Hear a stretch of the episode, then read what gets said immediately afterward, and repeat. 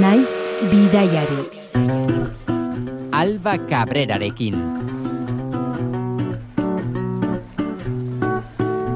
So clap your hands, feel the beat as you start to dance.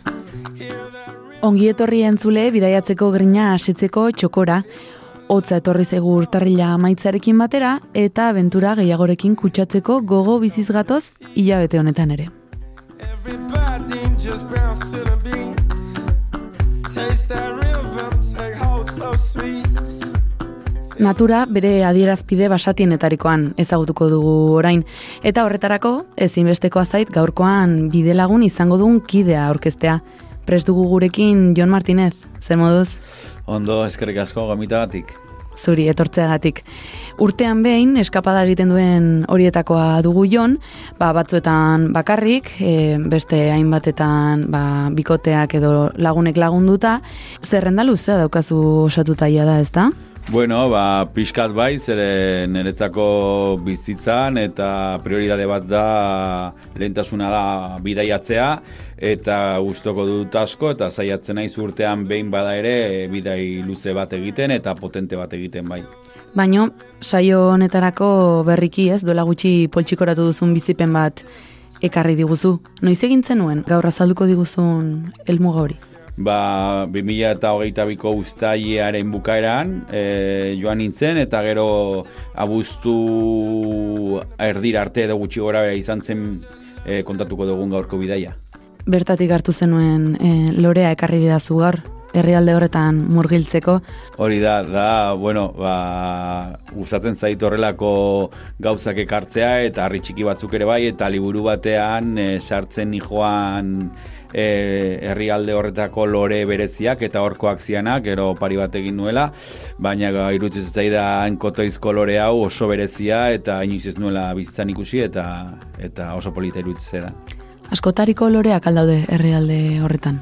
Ba, badare horkoak diren amabi edo amabos bat, gutxienez, guk ikusi genituenak, eta nik eh, ia sortzi amar bat ekarri nituen, eta batzuk ere aurkitu daitezke men Pirineotan, honen antzekoak ere bai, baina, baina horkoak direnak ere bai badaude. Naiz eta zuk loreak biltzeko ariketan jarri zure burua ez, e, bidaia hori egitean, gaurko helmuga ez da ziurrenik horregatik nabarmentzen ez, e, lore sorta zabal batengatik nabarmentzen, izotzak estalitako lurraldea omen da, ez da? Bai, izotzak istalita, eta pixkanaka ere, bai, izotza urtzen doa ba, mundua ero honen gatik, eta denok bizigaren e, mundu honetan ba, denok ari garelako izotz hori pixkanaka hausten, eta zan amets bat egin nahi nuela, ba, ez dakit, e, zuen beti pentsatzen dut, ez dakit noiz, ja ezingo dugula bidaiatu egin, eta orduan ba, e, gogoa jarri nuen, eta ere poltsikoa bete, eta areaka joan nintzen. Nondik hartu zenuen, Jon, zuk algo izko lore hori? Ba, nik hartu nuen momentua nahiko ederra izan zen, zeren arratsaldea zen, eta horre eguzkia ez da ia inoiz desagertzen, eta arratsalde ederrak edukitzen genituen, itsasoari begira eta bar, eta niretzako ista, nik bizitza istanteetan e, neurtzen dut, eta lore hartu nuen istantea, eta beti buruan izango dut, eta eta horri izan zen e, istante magiko hori, ere bai. Gaurko gunean lore hartzen duzunean, zein herrialderekin gogoratzen zara, zin izango da gaur izpide izango dugun herrialdea? Ba, gaur e, bisitatuko dugun herrialdea e, Groenlandia izango da, eta ipar poloan dagoen izotz puskarik handiena noski. Seguraski ez, zuk esan, esan duzun bezalaxe, izotz puska hori aski identifikatuta izango dute askok mapan, baina bada ezpada, entzun dezagun, egoi belategi.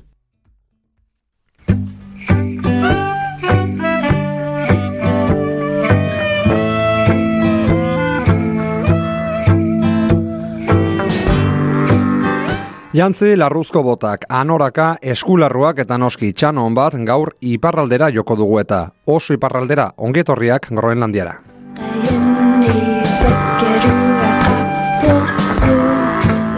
Ipar poloan kokatutain handi batean Groenlandia, Groenlandieraz kalalit nunat deritzo eta danieraz berriz Groenland. Izan ere, gaur gaurkoz ez da estatu buru jabea Groenlandia baizik eta oraindik ere potentzia kolonizatzaile baten pean bizi dela. Zehazki Danimarkako erresumaren nazio eratzaile gisa hartzen da. Hala ere, mila bederatziron eta irurogeita meretzitik lurralde autonomoa da eta bi mila eta zortzitik barne afera gehienak kontrolatzen ditu bertako gobernuak. Kampo harremanak, segurtasuna eta nazioarteko finantzak Kopenhagenek kudeatzen ditu oraindik ere. Hala ere, subiranotasuna uste baino gertuago egon liteke Groenlandian. Many come to Greenland to experience the culture, the people, and the cities. Others come to see firsthand the consequences of climate change, changes that we feel closely in our cities, among our people, and even our culture. Hans Mute Egede Groenlandiako lehen ministro eta Inuit Atakatigit alderdiko kidea entzun dugu. 2008 batean irabazi zituen hauteskundeak alderdi independentista eta ezkertiarronek eta egun gobernu koalizioa agintzen du. Groenlandiara bertzaletasunak azken urteetan izan duen gorakada aldaketa klimatikoarekin estuki lotuta dago. Inuit Atakatigit uartean ugaritzen ari ziren mehatzaritza eta lehengai fosien ustiek eta proiektuen aurka agertu zen uarteko baliabideak arduraz eta herriaren mesedean kudeatu behar zirela defendatuz.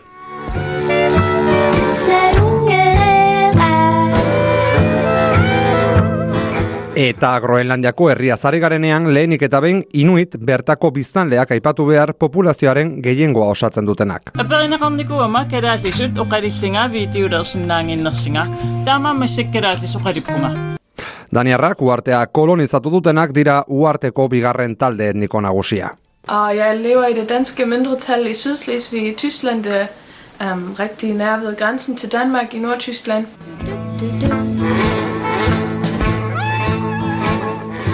Esan bezala, Inuit herria da Groenlandiako jatorrizko herria, luzaz eskimalak deitu izan ditugu, baina ezaztu iraingarria dela itzoria jentzako. Aragin gordin jale esan nahi du eta. Inuitek kalalit nunat deitzen diote uarteari kalaliten lurra esan nahi duena. Erik gorriaren gidaritzapean bederatzirun eta laro bian heldu ziren lehen bikingoak berriz, Groenland deitu zuten uartea uarte berdea zehazki, eta horrela deitu zuten bertara joateko prest zeuden kolonizatzaileak engainatzeko. susah makan erina sonangan Orain oso azkar berotzen ari den arren oso leku zaila izan delako betidanik bizitzeko Groenlandia. Eta horrek noski badu isla bere demografian. 2 milioi eta eun mila kilometro karratu baino gehiago ditu, baina soilik 0,0 biztanleko dentsitatea kilometro karratuko. Uarte osoan berrogeita masei mila bat lagun bizi dira eta horitatik kasik emeretzi mila nuk hiriburuan bizi dira.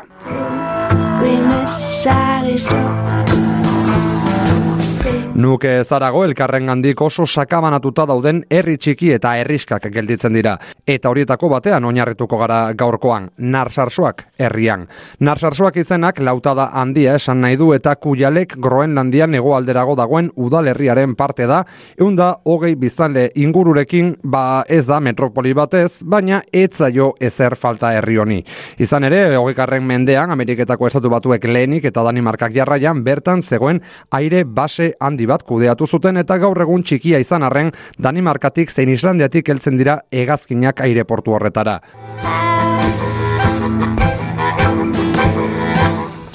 Eta bertara heltzen dira turismo jasangarriak auspo eman diolako herri txiki honi. Alde batetik erik gorriek eta gainontzeko bikingoek eraikitako lehen asentamenduak bisitatu daitezke, eta bestetik narsoarsakek abenturazale ugari erakarri ditu azken urteotan. Inguruotako fiordoek, glaziarrek eta badiek naturaren handitasuna ekartzen digute gogora eta zein txikiak garen gizakiok honen aurrean. Zubjon, Tierras Polares enpresaren bidez egin zenuen salto Groenlandiara. Zer da Tierras Polares? Bueno, bada eh, Madrilen sedea duen eh, enpresa bat bidaiatzekoa eta Groenlandiara juteko estaduan daude bi, bi enpresa eta hau da Larramendi famatuaren enpresa eta beste bat dago e, lehen sozioak zirenak eta banandu ziren eta eta Larramendik dela tipo bat oso famatua aventureroa iparpoloa zeharkatu duela pin baino gehiagotan ba honek duen enpresan e, banikien ja referentzian dituen e, motxilero pare bateko gontzien atierraz polaresekin eta eta gogoa sartu zitzaidan egiteko abentura hau Groenlandiatik, ezelako bereziki berezia kaiakean bidez izango zelako Groenlandia ezagutzea. Bestela, zaila alda norbere kabuz joatea Groenlandiara eta irla ezagutzea.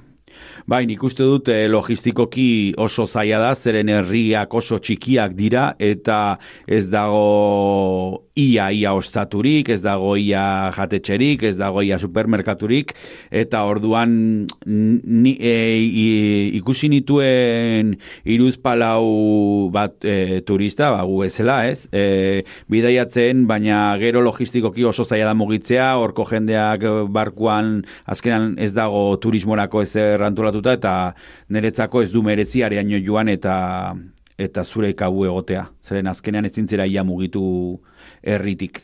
Zu beraz, Tierras Polaresen aukera aprobetxatu zenuen, askotariko proposamenak bermatzen dituen eh, enpresa da ez, Tierras Polares, ba, irla hori ez, Groenlandia aukeratu eta kaiakean gainera, zergatik? Bai, gustatzen zaidalako normalki oporretara jutena izenean, ba nahiko e, kirola egin edo abentura pixka bat bizi ez, eta ba ere egon naiz ego Amerikan mendiko trekinak egiten, edo Nepalen ere bai, eta orduan irutzeidan egokia, e, bueno, azkenean Groenlanderen zatitxo txikitxo bat ezagutu dugu, zeren azkenean e, e, Groenlandia oso handia da, eta gero piraguan egiten genituen kilometroak, ba, egunean e, nahiko ordu ziren, baina, bueno, azkenean distantziak ez ziren hain handiak, eta orduan, ba, bidaiatzeko manera hori kaiakean itxasotik e, orduak eta orduak uretan egotea, ba, irutzetan oso berezia, berria inoiz ez nuela bizi eta eta animatu nintzen. Bidaia antolatu hori ordea, non hasten zen, alegia, zure kabuz iritsi bartzinen Groenlandiara eta bertatik aurrera hasten zen bidaia edo, edo talenago batzen zineten guztiak? Guk eh, geneukan bueloa Reykjaviketik, Islandiatik, eta eta nola Islandiara jun behar nuen, ba, aprobetsatu nuen bost egun gehiago, eta hor joan nintzen e, trekin famatu badago Islandian, e, Reykjaviketik hiru ordutara gutxi gora bera, eta autobusean joan nintzen, eta hor hartu nuen refugio bat, eta pixkat egin nuen baiatzetik aurrera, eta ezkerreskuin, ibili nintzen trekinak egiten, ez nuen osoa egiteko hastia izan, baina bai zonalde hori ezagutzeko Islandiakoa kristona, kristona zela. Groenlandiari begira gorputza berotzeko ere, ez? bai, pixka bat ere, ba, ibiltzeko, martxa pixka jartzeko, zen bai ibili nintzen hemen saioak egiten kaiakarekin kontxa, baina noski ez da berdina. Ez da bat ere eta gero itxasua ere bai horre askoz gehiago kolpea egiten zuen ere bai, eta batzutan aizea jotzen zuenean, ba, gogorazan kaiaka mogitzea, zeren kaiakan ematen genuen guk dena, e, gure kanpina, gure arropa, janaria banatzen genuen guztien artean, zartagia, kura, eta orduan ba, pixua zuen kaiakak ere. Tortoken pareko, etxea soinean, eskola soinean. Bai, hor- horrela ibili ginen. Zenbat pertsonako taldea osatu zenuten ara joateko? Ba, elkartu ginen amar bat edo horrela, eta nik aukeratu nuen bidaian ere izan zen, ba, bai estaduko jendea egotea eta baita ere Europakoa, ez? Horrela, bueno, ba, jende ezberdina ezagutzeko, eta azkenean da bidai bat uste dut, ba, hori azkenean gogorra da, eta eta, bueno, jendea juten dena normalki, ba, interesgarria izaten da, eta orduan, e, Europako jendea zegoen Belgikakoa, Alemaniarra, e, baita ere zeuden frantsesak, eta orduan ba, nahiko pina ona egin genuen, eta gero arratsaldetan ibiltze ginen hor okartetan jolasten, edo tokara jolasten, daula. Kirolariak altziren, praktika altzeukaten kaiakarekin. Bueno, ni gutxi neukan hori azteko, eta ziren esan nuen, esan nuen, ni aktorea naiz, eta hori baina... baina aurretik, ez? Hori da, baina batzuk bazeren, ba, neska bat zegoen ibiltzen dela ia aste bukarero, eta Mallorcako mutil bat oso oso atsegina ere bai, e, hoiek ibiltzen ziren, baina besteak ez, ez ginen ia deus ibili kaiakean, eta, eta bueno, ba, hor ja nahiko entrenatu genuen. Gainera, zure pareko ez, askok bakarri joteko autu egin zuten, eta hori zure alde, ezta? Bai, noski, nik ikusten dut ere horrelako bidaiak egiten direnean, nahiko jendea normalki bakarri juten dela, naiz, bikote bat zegoen, e, gauden guztietatik, eta beste guztiak ba, bakarri jundako jendea, eta guztaren zaio jendeari, ba, abenturan egotea, bakarrik egotea, isilik egotea, azkenean kaiakean juten ginenean hilabakoitza zijoan bere distantziara, bere munduan, eta gero ba, bai elkartzen ginen, eta eta momentu goxoak bizi ez, baina da gauz bat gustatu zaidan askori, segun ze taldea daukazun, ba, azkenean da bidaiaren portzentai handi bat, eta ikusten zenuen jendea, ba, Asturiarra nahiko e, paretsua zela izaerari buruz, Mallorquiarra ere bai, eta orduan, ba, ba goxo, goxo egon ginen denok. Ia ongi esaten dudan, narsarsuaken lurrartu zenuen, bueno, Islandiatik ez, Reykjaviketik abitu, eta ara egintzen duten salto Groenlandian murgiltzeko. Mapartuko bagenu jon, non kokatzen da zehatz mehatz? Narsasuak dago Groenlandiako hegoaldeko puntaren puntan, abestia bezala. Eta hor, e, da herri bat, non hegazkina ja gozatu genuen, zeren ja hor ikusten hasi ginen izeber pilo bat zerutik, eta iz, eta fiordo pilo bat, eta izan zen ikusgarria, zeren sortea izan genuen eta eguraldi ona egin zigun, bai lehenengo gunean, eta bai ia guztietan bat kenduta, hori kriston sorte izan genula, zen horrek ere baldintzatzen du pilo bat bidaia, eta gero narsosakero hori galdia oso ona, eta gero hor e, azkenean da herri bat, enon aireportu bat dago, eta hotel bat, gero esango dut hotela zergati dagoen hor. Zirkulu polar artikoan sartzen alda Groenlandia irla osoa?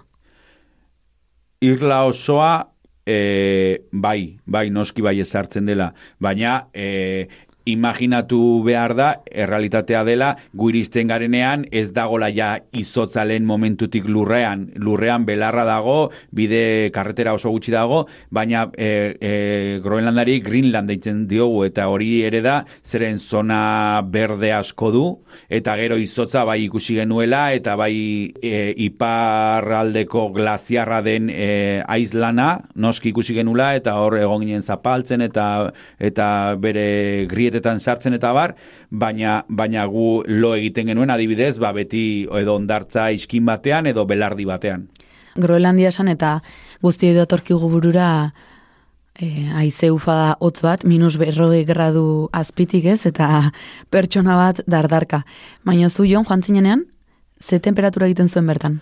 Gu joan ginenean, e, udara parte hortan, ez, zeren orain bai ikuste Facebookean eta argazkiak eta kriston elurpila dago, ba gu joan ginenean, e, zego, e, belarra zegoen, eta ez zegoen hainbeste hotza, amar, amabi grado bat egiten zituen, eta guin stopper batekin ondo ibiltzen zinen, eta gero piraguarako arropa azkenean berezia zen, eta orduan e, ez, zen, ez genuen hotzik pasatzen. Niki bat jasartzen zenuen barruan, eta panti zantzeko batzuk, eta horrekin e, igarotzen genituen egunak. Nola nahi ere, bueno, bada leku batez, hotzak nahikoa baldintzatzen duena, beren egunerokoa, temperatura bajuetara nola daukate moldatuta? Bai, horretxeak ziren egurrezkoak, naiz eta e, esan barran horre gurrik ia ez dagola, eta dagoen egurra da e, e, ematen dutena, eta hor zuaitzak eta landatu dituzte, beraientzako egurra edukitzeko, gero etxeak eta eraikitzeko. Eta etxeak dira dena, ba, pentsatu ezagutzen kriston tximiniarekin, etxe txikiak, eta egiten duten bizitza normalki da etxe barruan pilo bat, eta gero zeren hori, pentsatu behar dugu azarotik e, ila maiatzera hor dena e, elurra dagola, izotza dagola eta hor bizitzea oso bai, e, bizibaldintza gogorrak direla. Eta gu jundako denboraldean justuki, ba, eguzkia zegoen ederra, eta orduan arratsaldetan ikusten zenun, ba, bizilinagunen artean horregote zirela etxe kanpoetan, ba, kafea hartzen edo zerbeza bat edaten, eta bar. Etxeak gainera ez, e, oso modu kuriosoan daude pintatuta, bakoitzak kolore bat hartzen du. Ah, bai, bai, etxea kolore bakoitza hartzen du eta hori da pixka bat lehen ohitura bezala zutelako, ba gorria zana, bazelako pixka bat e, guazen esatea e, mediku antzekoa edo laguntzeko bai e, e, e, osasun langile osasun langile antzekoa. Gero horiak ziren pixka korreosekoak. Gero berdeak ere daude, urdinak ere daude, urdinak zirela arrantzaleen etxeak eta bar. Eta orduan ba bai iristen zarenean oso ederra da ikustea herri txiki hoiek e, kolorez beteta, ezta? Temperatura bajuek eh, nolabait eh, harremana daukate, ba, bueno, azuk aipatu duzu bezala bizi baldintza gogorrekin, ez? Alkoholismo datu nabarmenak ditu herrialdeak. Bai, bai, bai, ba, e, zoritxarrez, ba, hola da, baina nik uste dudalako ere bai, e, oso gorra izan behar dela hor bizitzea, zeren urtaro asko hor e, ba, inkomunikatuta egongo dira, eta eta esate zuten e, e, negu garaian eta hori, hainbeste izeber daude itsasoan barkuak ere ezin direla pasa, eta orduan ba, hor isolatuta gelditzen dira, bakoitza bere erriskan, eta eta bizi baldintza gogorra dira, hor e, jende gehienak e, lan egiten du ba, arraina harrapatzen, fokak harrapatzen, bai ikusi genuen enpresa txikiren bat horrela gero pues, arraina esportatzen zuena eta bar, eta gero ere e, zegoen e, alkoholismoari begira ba, badaukate ere bere garagardoa, e, orain oso famatua hemen ibiltzen dena eta ipa eta horrelako gauzak, eta kilometro zeroko garagardoa, ba hor bazuten eta kaiak deitzen zen da oso ona zegoen, zegoelako rubia, tostatua, e, beltza, eta horre... Bera zu probatu zenuen. Horri bile ginen ere, azkenean bueltatu ginenean e, e, kaiakeko bidaietik, egon ginela amaika egun kaiaken eta inor ikusi gabe, ba, iritsi, dutxatu, eta benga, e, ondo pasatzea, disfrutatzea eta ospatzea, ez? Eta gorputza berotzera. Hoi da, hoi da, eta nola zebada beti ondo datorren, ba, ba ondo. Esan duzu nola ez, e, etxeak egurrez eginda dauden eta propio landatzen dituztela zuaitzak. Horren arira ez, bada datu kuriosorik, ez daukate zuaitz autoktonorik. Hori da, ez, ez dago zuaitz autoktonerik, eta orduan e, belardiak, e, e, belarrez josia daude, gero ere txokatu ninduen oso ardi gutxi daudela eta barrez, zeren belardi ederpi bat dituzte, eta animaliak ere gutxi daude, daude karibus deitzen diren e, hemengo orkatza antzeko batzuk, eta hoiek bai daude basatiak, eta baita ere beraiek lantzen dituztenak, etxean dituztenak, baserri antzeko oitan, baina, baina bai, gehien bat, e, itxasotik bizi dira, azkenean kaiak hitza ere hortik dator, eta piragua hoietatik, eta beraiek sortutako barku fisiko hoiek dira, eta ibili dira arrantzan, ba, eundaka eta eundaka urte. Animalia polarrak ikusteko ez, e, hartzuriak kasu, iparralderago jo behar dugu ez da? oso iparraldera jun behar da, eta gero horro ezagutu nuen frantziar bat, da, egin zuela Noruega komen dauka irla bat, oraindik Groenlandia eskubialdean dagoen bat, dagoela juntzaitezkela pixka bat e, bidaiatzera, eta hor bai zegola aukera erresagoa hartzak ikusteko, baina jun behar da asko ziparalderago ikusteko bai. Eta batzutan ikusten denean ba, internet eta, et, interneten eta horrela igual hartz polar bat herri batean, hori da o gaixo dagola, edo, edo, bueno, edo iagoz ezakatzen dagola, edo la, baina ez da bat ere normala herrialde batean ikustea. Groenlandia ez, Australia ondoren munduko bigarren irlarik handiena da. Bai, bai, bai, bai, eta e, kristona izan behar da, e, gorago jutea, iparalderago jutea, bidaiatzea gehiago, eta gero tierras polaresek eskaintzen du bidai bat, e, bidali zidatela korreoz, baina balio zuen dirutza bat, zela e, Groenlandia iparraldetikan ibiltzea Kanada eruntz joaten, ez? Eta hori izan behar da e, txakurrekin eta, eta, eta guzti hori, eta hori izan behar da pasode bat, baina, baina noski, ba, denetara ezin da. Poltsikoari ere begiratu behar Hori da, batzutan bai, batzutan bai. E, tamaina handia balin badauka ere, ez dago hain populatuta Groenlandia.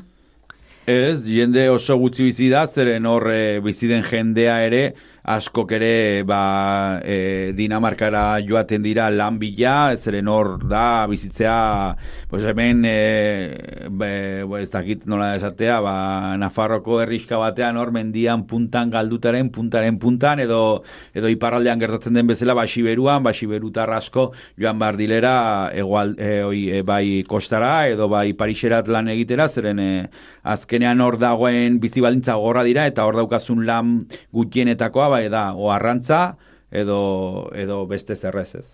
Groenlandian gelditzeko auto egiten dutenen kasuan, nun pilatzen da biztanleriaren gehiengoa, joeraldago iriguneetara joateko. Bai, guk ikusi genituen bi herriska bakarrik, narsasuak eta narsak, gero ego- zegoen e, kuakortopera juteko dela Groenlandiako ego- hegoaldeko kapital antzekoa, ni ez nintzen jun, baina beste batzuk bai, eta azkenan herriskak oso txikiak dira, eta populazioa oso oso, oso txikia da herri bakoitzean, da hemen e, Gipuzko herri txiki batera jutea bezala edo, edo Naparroko herri txiki batera, eta orduan e, hor bizi den jendea ba, gutxi da eta hori dagoen el, lan baldintzak eta dagoen bizi baldintzak eta ba, ba gogorrak dira, ez? Ia Kanadari itxatxita dago Groenlandia, Islandiare nahiko, nahiko gertu dauka, baina Danimarkaren parte da. Kutsu nordikoa aldauka herrialdeak.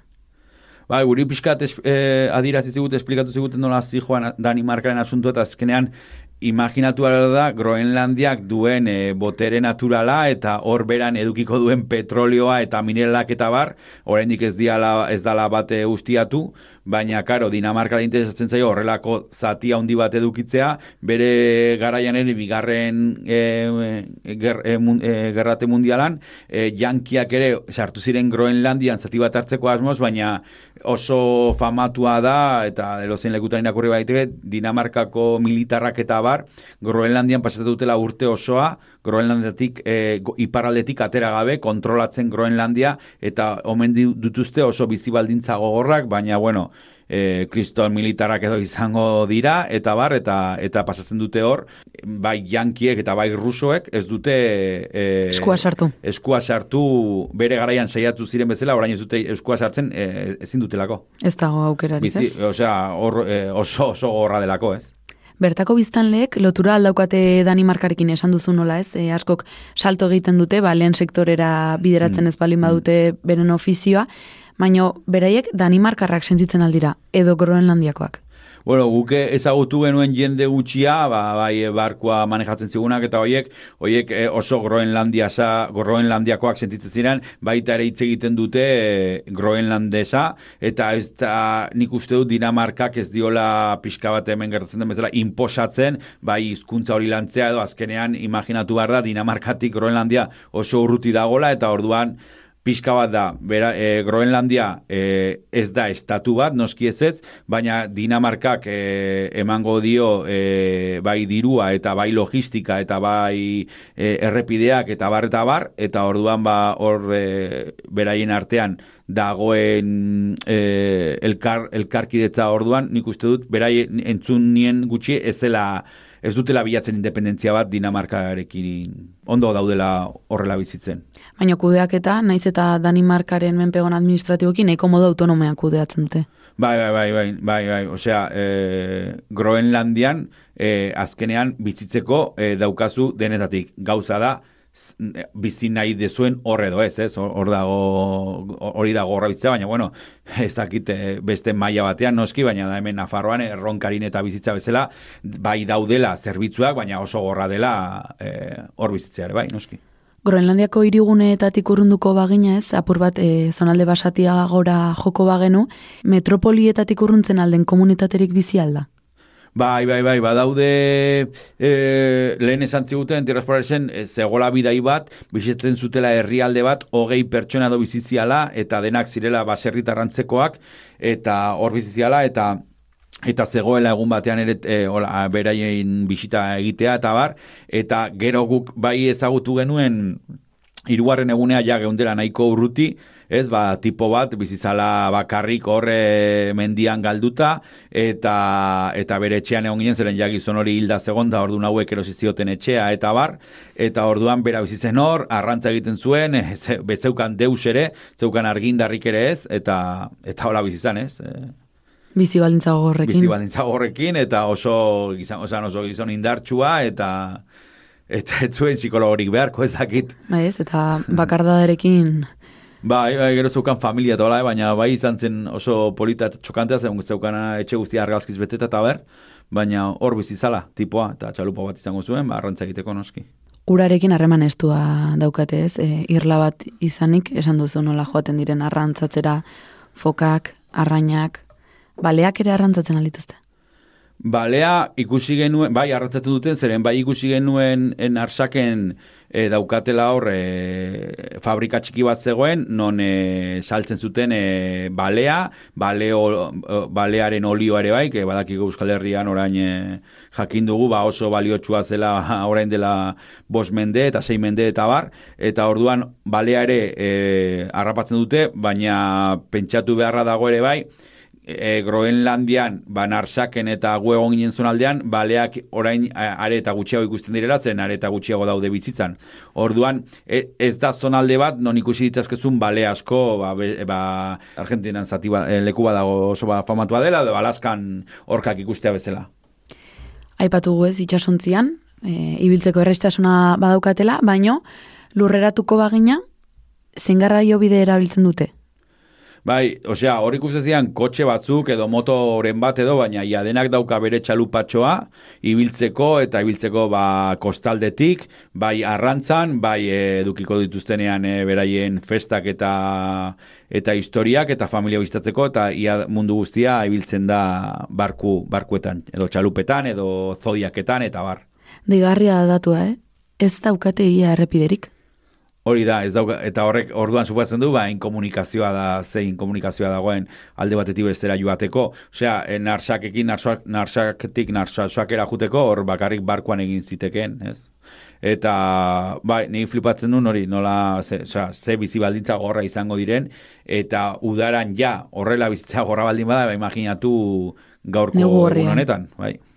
Bueno, Jon, nik uste dut, Groenlandiari nahikoa neurria hartu diogula eta arrazki orokor bat atea diogula. Eta orain ba zu bezalaxe ardezagun kaiaka eta sargaitezen barruan. Esan duzu nola ibili zinen ez? E, bezperako asteetan kontxan praktikatzen. Hori da. Eta erabilgarria izan altzen hori. Bueno, bai, ba, zeren azkenean ere hori kontxan olatuak daude eta bart, azkenean kaiaka mugitzen zan, hor ere Groenlandian, eta izia zegonean, eta orduan, ba, ez dezuna nahi da, itxasora erori, noski, zeren horre bustitzen bat zera, ba, pixka bat ja, las liau, eta orduan, ba, bai, bai izan zen pixka bat eh, entrenamendu gisa ondo etorri zen, baina gero kaiakak askoz gehiago pixatzen zuen, eta gero, e, ba, azkenean sei zazpi ordu egunero egunero, ba, azkenean besoak, bai, bai, ba, nekatu itezian, eta, eta bueno, kremita bastante eman genuen ere besotan, bai. Masajeak? Masajeak ere egiten genuen bakoitza bere buruari, eta eta pixka bat ere errezatu e, ez lesionatzeko edo tiroi handi bat ez jasotzeko bai horrelako zerbait gertatuko balitz, nola egin buelta? Bai, e, hori, bueno, izan ziguten ere, e, hor e, Polaresek dauka base bat, narsaken dela hotel txiki bat, non lo, guk lo egiten genuen bai e, lehenengo gunean eta bai azkenekoan, eta bueno, hor beti dago bi pertsona, zeuden uste e, neskalta mutil bat, eta bueno, beraiek dute hor okotxe bat, edo dute zodiak bat, eta zeo ze pasatu ezkero, ba, lau bost hor dutan atoa letxe, iristen ziren gu egoten ginen lekura, más o menos amar egun igaro zenituen kaiakaren gainean, ez? E, sei zazpi orduz eguneko agujetak? Agujetak egon ziren bigarren egunean, egon zen jonginela hori, e, borda horren gana, hor loin genuen, ez? Gizon hori bizitzen borda horretan lo egitera jonginen leku hartara, eta egun horretak kristona izea jotzezun, orduan itxasua genukan gure kontra, eta orduan nik nahiko filosofiarekin ez hartu nuen, eta zen, bueno, poliki jugu nahi, zeren, zeren bestela, nik anglitzen dira zortzi egun. Eta hor gertatu zen, jendea pixka bat, izula ja iritsi, eta zitzala nahiko e, pedaleatzen eta bar, eta bueno, iritsi ginen erako ja borda horretara, gero ja jendea gauean kriston besoko minak, denok hori krema botatzen, masajeak egiten, eta zaten gero, ostia, beste sortzi egun horrela baldin badira, ba, horra izango da, baina gero sortzea izan genuen, eta eta aize ia gutxi egin zigun, eta bueno, gozada bat izan zen, eta azkenean kaiaka e, ura eta dagoenean bare, ba, kaiaka nahiko azkar dijoa lehenengo egunetik sartu zineten itxasoan. Ez dakit beldurra ote den hitza, baina impresio ematen alzizun. Han, Groenlandiako uretara salto egin eta, bai, ea zer dagoen azpian. Ba, ez nik disfrutatzen dut pilo bat istante bakoitza eta neukan e, hori, e, ba, kaiakean sartu, eta ja, irugarre minutuan ja ikusi genitun izeber pilo bat, eta bar, eta orduan ja urbiltzen zara izeberretara, eta hola, eta ja, gia pixkatu juka, kontu, zarri dela, eta, karo, guk ez dakigunez, ba, zuzaude hor, ikutu nahian, eta izotza, eta zakizer, eta koloretakoa ikusten urdina, milaka kolore urdin ikusi dutugu, eta orduan horrekin gaunden, ni disfrutatzen dut pilo bat, e, instante bakoitza, momentu bakoitza, bai, Groenlandian, bai, hemen txindokin igotzen, eta orduan e, izan zen hasieratikan ze ikustea e, bizitzan ez nuela ikusi, pentsatzen, osea, ematezula iargian bezala gaundela ikusten zerbait oso berezia, munduan leku oso gutxi daudela horrelakoak eta eta bidaiatzeko bare eta gutxiago, eta orduan ba, disfrutea kristona izan zen, egunero ikustea hainbeste izeber, ez, gen, ez genuelako imaginatzen, hainbeste ikusiko genuenik, gero itxasoa hainbeste kolorez berdintakoak, urdina, turkesa, berdeska, urdine iluna, e, eta, ba, gozada gozada zen osada zen. Zorabi horik senditu altzen nuen, urdin ikusten zenituenean itxasoko balantzaren ondorio. Ez, zorabiatu, zorabiatu ez, zorabiatu ez. E, ni disfrutatzen nuen pilo bat, eta gero ere egiten genuen gauz bazan, ba, izot zati bat hartu, eta hoan, eta hoan sartu ez, ura da, eta azkenean e, egarria genunean, bai, e, izeber batera urbildu, zati bat hartu, eta venga, ahora. Eta gero ere bai, e, oso grazioa da, hemen badakigu, ez, e, itxasoak gatz pilo baduela, baina horra inbeste milaka kilo izoz daude, e, uretan ja, non egarria baldin baduzu, edan dezakezu itxasotik, eta ez da deus ere gertatzen, zeren nik egin nuen, eta gero tripak eta bar, ez dagoen arazorik izaten. Eta oso bazaude. bai, hoi da, hoi da. Kaiak nolakoak dira, bereziak aldira, ba, bertako eremura ondo egokitzeko, demagun kontxako hartuko bagenu, antzekoak aldira. Ziren nahiko antzekoak, ziren pixka finagoak, baina ere ez dira hor ikusten denean bezala kaiak fin-fin hoiek eh, juten direla ziztu bizian. Ziren pixka bat, plastikozkoak, baina ez hain zabalak e, kontxan ikusten ditugun antzeko hoiek, ziren itxiak, eta gero zulo batzuekin non sartzen zenuen material guztia, edukiko zuten lauzpabos metro bakoitzak, eta gero egiten zitzaiguna gorra zen, irizten zinenean kostaldera, ez? Azkenean, e, Maria, inbeste igotzen da eta jestein da Groenlandian, non kaiak hartu bartzen eta eskuekin eman lau bost pertsonen artean, ba, ia hogeita mar, berrogei metro, ba, kaiak usteko leku seguru batean, zeren hori zen azkenean zure bidaia atzeko modua.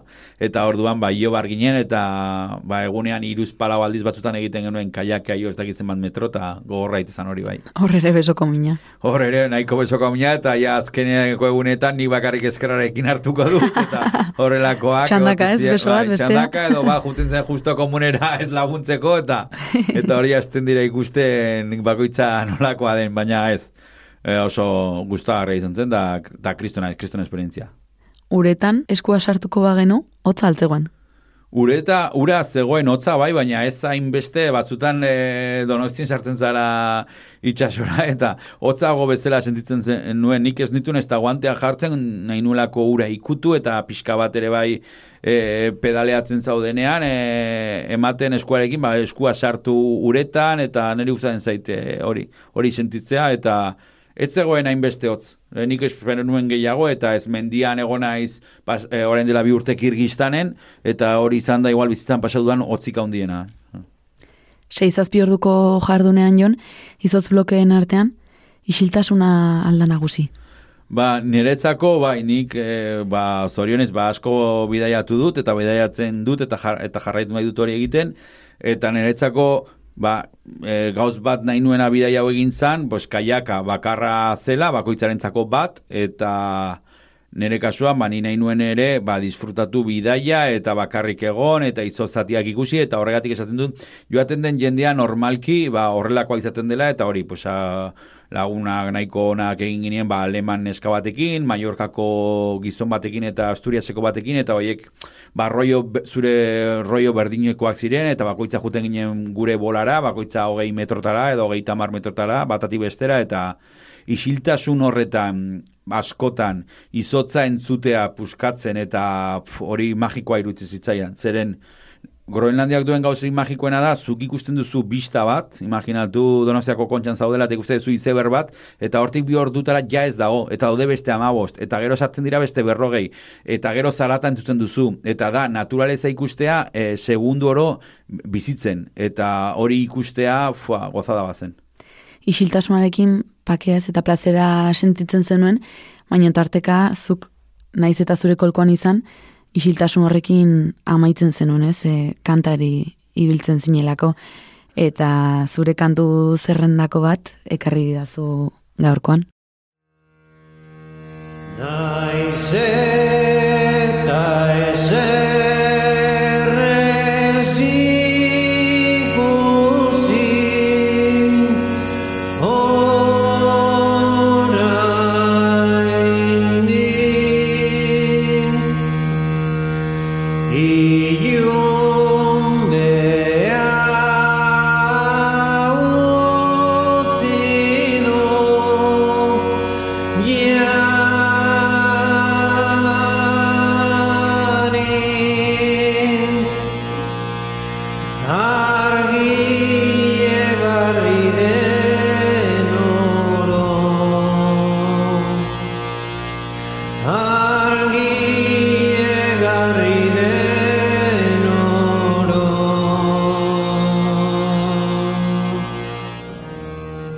Zuk jon, amorante bezain ondo kantatzen alduzu.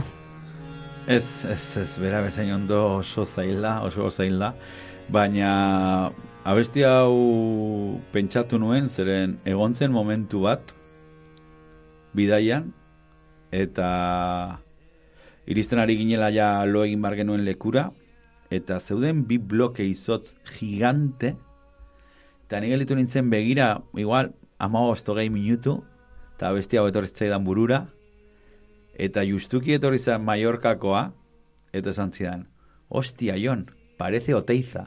Eta ni, klaro, hainbeste maite dut oteiza, entzutea Mallorcako tipo bati, ni bezala pentsatzen ari zela momentu horretan, esan niola, te quieres casar conmigo? Zeren, izan zen, ostia, eske ez dut, ez uste, jende asko, e, bururatuko zitzaion, nire imagen berdina, eta tipo horri bai, ez? Eta orduan, ostia, iruditzen zedan, momentuet politenetako bat, argazkia honen justo Facebooken eta hori daukat, eta justuki ere aurten oteizaren astea tantolatuko dugula, ba, argazki hori erabiliko dute kartela egiteko eta bar, eta igual izan zen momentu oso oso magikoa, emate zutelako eskultura batzuk ez, izotz, izotz bloke gigante horiek. Eta gainera ez, e, bi izotz bloke gigante horiei, soinu banda ederra jarri zenien.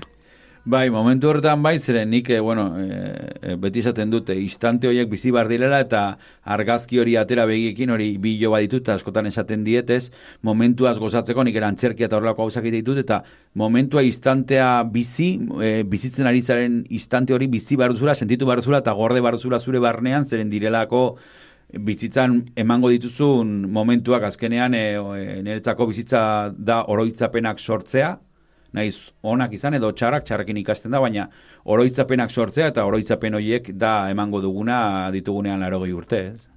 Horren beste denbora uretan egon ondoren, sartzen altzitzaizun gogoa lurra hartzeko. Ba, bai, batzutan bai zeren azkenean ja zeunden e, kaiakaren barruan hor arratsaldeko lauak ia eta ja ez daukazu ez da postura, ja batzutan sofan egoten garenan ere mugitzen egoten gea, ba, hor pixka bai ja, gelitzen zitzaizula ja hankak ipurdia ja nekatuta, eta hori izaten zen igual momenturik e, arriskutsuena ez, kaiaka iristen zenean kostara, eta atera bartzinen momentu hori zen askotan arroken artean eta bar egiten genuen, ez zela ondartza ba, liso batean bezala, eta orduan ateratzeko nahiko komenik izaten genituen, eta orduan izaten zen nahiko momentu latza, baina, baina bueno, zorionez, ni behintzate ez dintzen erori. Eta erori zena, dardarka ateraltzen.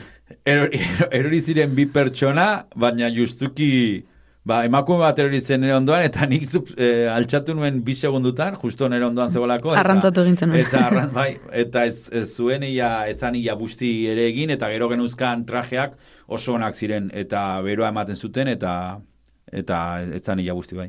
Zer egin behin lurreratuta, ze, ze hortu kaldera lurreratzen zineten? Ba hori, iristen ginen gutxi gara lauak inguru edo horrelako zerbait, eta karo, hor ez, ez da bildurrik izan behar e, gaua iristen delako, zeren ez da iristen, eta orduan, ba oso polita izaten zen, e, iristen ginen, normalki ba hori e, pixka bat minutu bat edo deskantzatzeko, komunera joateko eta bar, eta gero bakoitzak bere pirabatik ateratzen zuen bere kanpin den da, montatu egiten genuen, laguntzen genion pixkat giari giak zuelare laguntzaile bat, ez zela neska bat, katalana, e, bere tipi antzeko bat montatzen genuen denon artean, zeren hor afariak egiten genituen eta gosariak, eta orduan, ba, pixka bat logistika guztiari montatuta ja, ba, bosterdik aldean edo seietan, bakoitza batzuk gelditzen zian deskantzatzen, eta beste batzuk, eh, ba, ni juten nintzen beste batzuk bezala, ba, mendira, baina bakoitza normalki, bakarre juten ginen, txokoren batera, eta pixka bat zeren hor el, lurre hartzen genuen beti oro, beti zegoen mendiskaren bat, edo lakuren bat, edo juteko, eta giak esatzen Ba, hemen bainatu zaitezke pixka bat, edo pixka garbitu, edo buelta bat eman, eta orduan hori egiten genuen, edo argazkiak ateratzera jun, edo arriska, arriak hartzera, edo na, neguzen zedela pilo bat ere bai, eta orduan hor bakoitzak ere bere momentutxoa bizitzen genuen, eta gero ja geizten ginen afaltzera, goiz afaltzen genula, eta hor ja bakoitzak bere pelikula kontatzen zituen, eta gero e, nin pixkateren nahiko animatua naizen ez horrela, ba hori, ba, ibili ginen jolasten e, ba, petankara, e, tomate bote batekin ba, tokara, eta horrelako gauzak, eta bueno, hor par batzu bota genitun.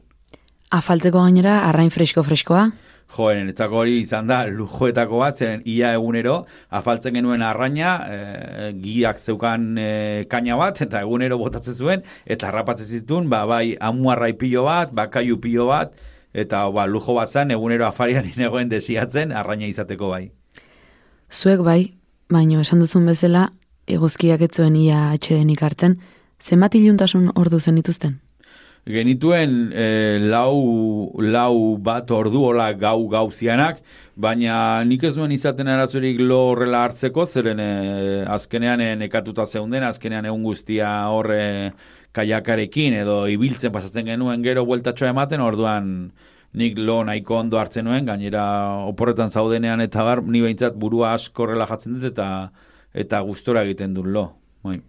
Nola hasten da izotzaren kolorea egun senti amaigabe batekin, ez? Edo iluntzeko kolore gorri amaigabe horrekin. Bai, gu, ni gu justuki egiten genuen hori afaldu, afaltzen genuenean, gero ni behintzat, eta beste bizpairu edo ateratzen ginen beti ikustea hor nola eguzkia sartzen zen, ez osoa, baina sartzen zen, eta hor hemen orain e, urtarrian donostin oso ondo oso politik ikusten den eguzki gorria bezala, ba, hor odeiak eta dena gorria jartzen zen, izotza gorria jartzen zen, itxasoare bai, eta hori ere, zain, momentu oso eder bat bizitzeko, eta goizetan ere bai eguzki ateratzen zen ere, oso bi momentu politak izaten ziren e, egunero gozatzeko eta ikusteko, eta ere bai, hotza e, gaua etortzen zanean, ba, temperatura geisten da, eta ikusten zenituen hor ere e, izeber pilo bat buelta ematen azten zirela, zarata itzen, puskatzen azten zirela, eta izaten zan oso momentu erligiosoa, vamos. Bizirik dago irla.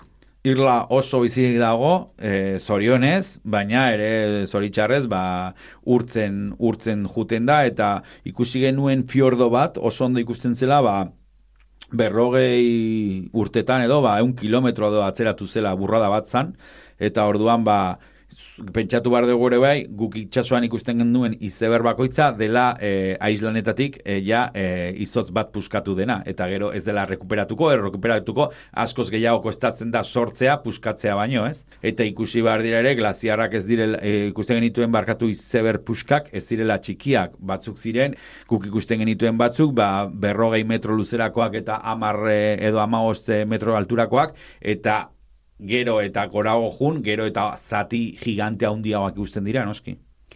Izeberrak nahi eran, mugitzen ziren, Ez ustekorik izan alduzu edo sorpresarik eman aldizue bat ematek? Bai, azkenean kaiakearekin ibiltzen ginen bakoitza bere, bere bidean eta hurbiltzen zinen batzutan izeberren gana eta batzutan ba, buelta ematen azten zen, orduan hasi bartzen kaina ematen izeberrari, zeren badakigu denok izeberraren zati bat ikusten dela eta beste erdia edo hiru orden beran daudela, orduan buelta ematen azten baldin bada, ba, golpe txiki bat ematen badizu, buelta ematen duzu kaiakarekin, e, txando letxez, ez? Eta orduan, bai ikusten, ikusi genituen milaka izeber, milaka tamainokoak, milaka kolore urdinetakoak, eta gero oso momentu polite izan zen, justo ikusi genula arratsale batean izeber bat, non zulo bat zuen erdian, eta pasa ginen hor Tour de France izango baliz bezala erditik, eta bueno, gia esan zu, erotuta zaudete, buelta bandezakela eta bar, baina, karo, pues azkenean zaude hor bizitzan behin, ez, ba, momentu hori egin behar da, eta egin genuen,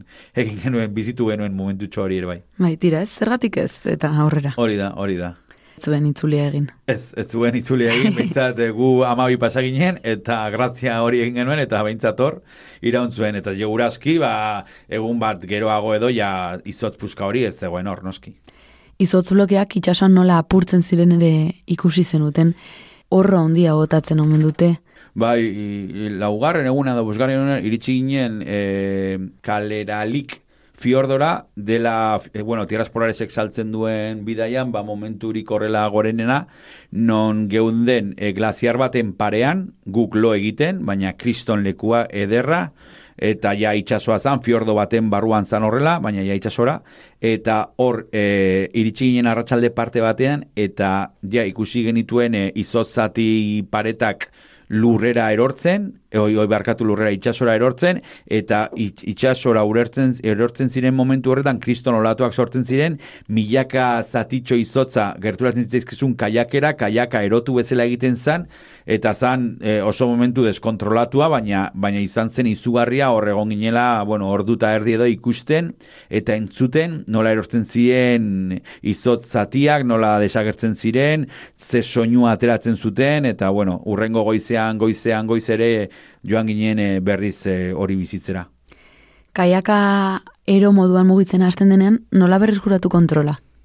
Ba, horre, e, e, poli, osea, geldi egon, gogor jarri eta eta palarekin pixkatibili, baina, bueno, azkenean ezin duzu ezer egin, eta azkenean saiatu hartzera, ba, behintzat ez gerturatzen e, paretaruntz.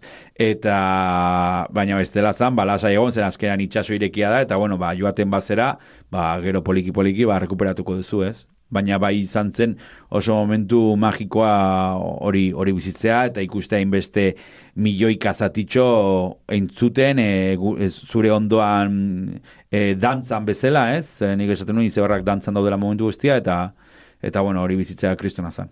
Zer sentitzen da, ez? E, izotz bloke hori uretara erori, eta zugana olatu bat gerturatzen ari dela ikustean. Nik beti izten dut, oporretara noanean, niretzako gustatzen zai dela sentitzea, e, ez naizela deus ere. Hori asko gustatzen zait bidaiatzen na- nagoenan igual donostin ez leharka hainbeste gustatzen, baina sentitzea deus ez naizela eta ez naizela ez mundu honetan eta eta sentitzea hori zarela deus ere asko gustatzen zaidan sentimendu bada bidaiatzen du dudanean. Eta justuki ba zu egotea kaiak batean non ez ia ez duzu kontrolatzen.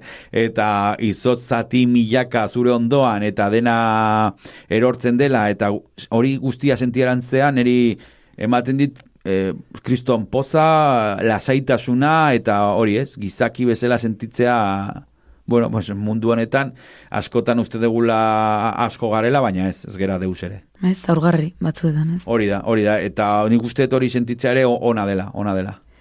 Gorputza hotz tarteka jon, baino bilotza goxatuta, boro bildu zenuen zuk esperientzia. Nola gogoratzen duzu orain?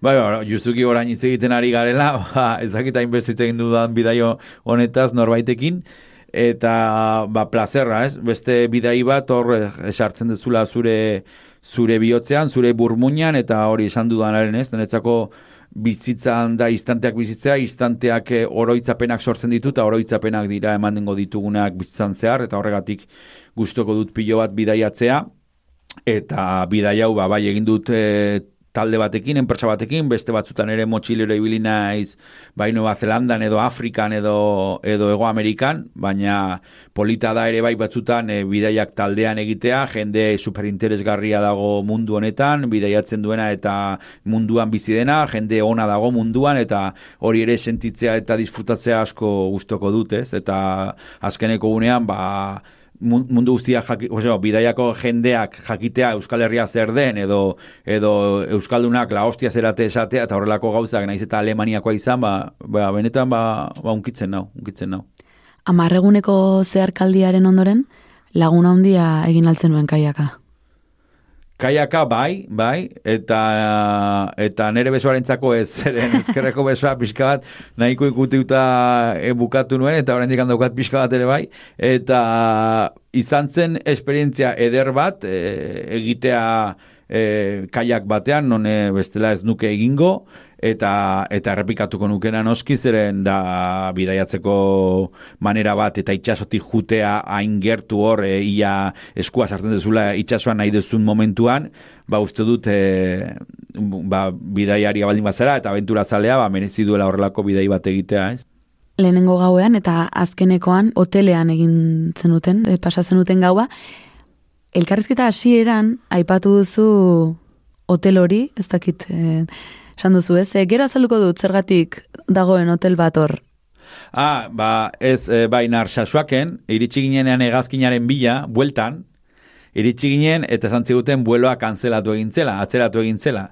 Eta orduan nik lanera jumarron, bueno, beste mundu guztiak ere, zeukan reikiabekien hartuta hotela, ni marrierako itzulera, ni nahiko diru galdu nuen, zen neukan ere marrieko hotela pagatuta eta bar, eta bar, eta orduan, nik esan nola dago, hemen, herri batean, non aeroporto bakarra dagoen, kriston hotel puzka igual, ba, eunda berroita mar pertsonentzako, eta efektibo wonder, ba, nola, egaldiak asko atzeratzen diren, ba, orduan hotel hori bizi da, ba, atzerapena, ez? Eta zanun, bueno, ba, honik kalteak hon egiten dio, ez? Eta, eta hotelean geunden, ba, egaldi hori hartu bar genuen, ba, eunda piko bidaiarik, noski. Eta atzeratu zitzaigun bizpairu egun, eta orduan kontseju bat, zaren nik esan nion pixka bat eh, enpresari bidai honi bat, joe, zuek baldin bak askotan atzeratzen dela, ba esan, zen askotan e, zukurrengoa egunetan planak dituzu, edo bidaiatzen jarraitu nahi duzu, edo bueltatu barzela lanera, nire kasuan bezala. Eta orduan, kontseju bakarra da, Groenlandiara baldin azte bidaiatzera, ba ez edukitzea gero presa itzultzeko, zeren egaldi asko eta asko, ba atzeratzen dira, bai joatean eta bai bueltatzean. Eta zerretzen nuke gomendatuko? Groenlandiatik, E, ez, deus, deus, deus ere, osea, uste dut dela bidai bat oso aventura zalea, dela lurralde bat e, munduan e, ia ez dagonik, ba, dagoen bakarra da egoaldean, e, edo Antartika aldean, edo, edo, edo Groenlandia, eta orduan Antartikara ez naiz joan, eta joango ere zeren balio du hiru aldiz gehiago horrelako bidai bat, eta orduan merezi du e, Groenlandiara jutea, munduan dagoen leku bagarrentarikoa da, non izotzetik ibili zaitezke, Islandet ibili gara glaziarretikan e, gran poiekin, trekinak egiten, i, e, glaziarrazpian ere sartu gara, egon gara izotza txupatzen, eta mila aventura bizitzen ditugu, hori arrantzan ibili gara, ibili gara mendia egiten, trekinak, kaskadak ikusi ditugu, eta eta bainatu gara biluzik izeberrai begira, orduan, ba, super. Gainera, aireportuan, Irlaundiak aurora boreal batekin agurtu zintuen. Bai, hori behintzat, bida, ba, atzeratu zen bidaia, eta horrengo gunean junginen trekin potente bat egitera e, glaziar bat ikustera oso polita zela, eta bar, e, jetxi ginen beraino, eta bar, eta kaskada poli bat zegoen, eta bai, justuki, egaldi hartu baino gau alenago, ba, aurora borealak ikusteko aukera izan genuen, eta ikusi genituen, ba, askotan ikusten diren berde kolore hoietakoak, eta izan zen gozada bat, gozada bat. Zuri aurora borealak agurtu zintuen bezala ba, guk ere agurtu behar zaitugu jon, eskerrik asko irlako abentura hotzak eta eta beroak kontatzeagatik. Bai, ba, eskerrik anitz, e, zuri gomitagatik eta ba, animatu abentura zaleak eta eta bedaiatzea gustatzen zaizuen jendeari, ba, Groenlandiak merezi duela pilo bat. Onki bilki. Ikusiko dugu elkar, zain du. Berdin zuk erentzule, ba, jonen pareko, egindako bidaiaren bat gurekin partekatzeko gogoa baldin badaukazu, badakizu oso, oso errexea daukazu. Idatzi, bidaiari abildua naizirratia puntu eusera. Eta bien bitartean, entzun gai gaukazu podcast plataformetan. Ester arte, agur!